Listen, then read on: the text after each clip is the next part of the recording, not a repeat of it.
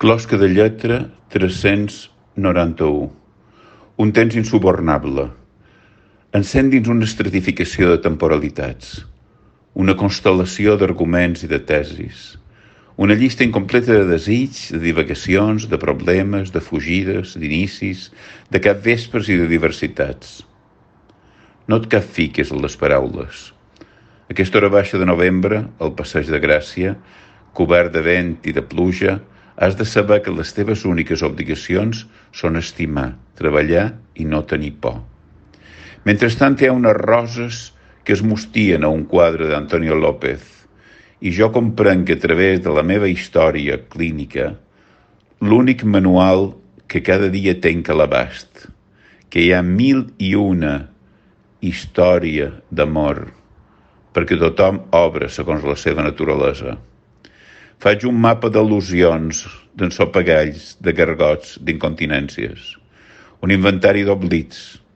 Un work in progress que es proposa quin sumari d'actituds i mètodes, de conversacions, de memòria i de recerca que es revelin constitutius d'una pedrera oberta. Una pedrera oberta que és l'empremta d'expressar una complexitat, una coreografia de la curiositat, una cosmogonia d'actituds que tendeixen al mateix temps a la transformació del cos i de l'esperit.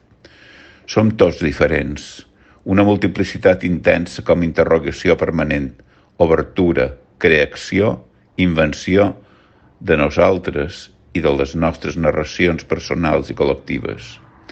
Trobo una frase d'Italo Calvino que connecta la perfecció amb el meu estat d'ànim, aquí, tancat dins una cambra d'hotel, veient darrere els vidres una apocalíptica tempesta d'huracans i gotes d'aigua a mil per segon. Escolta, direm que des del moment en què un objecte compareix dins la contarella es carrega d'una força especial.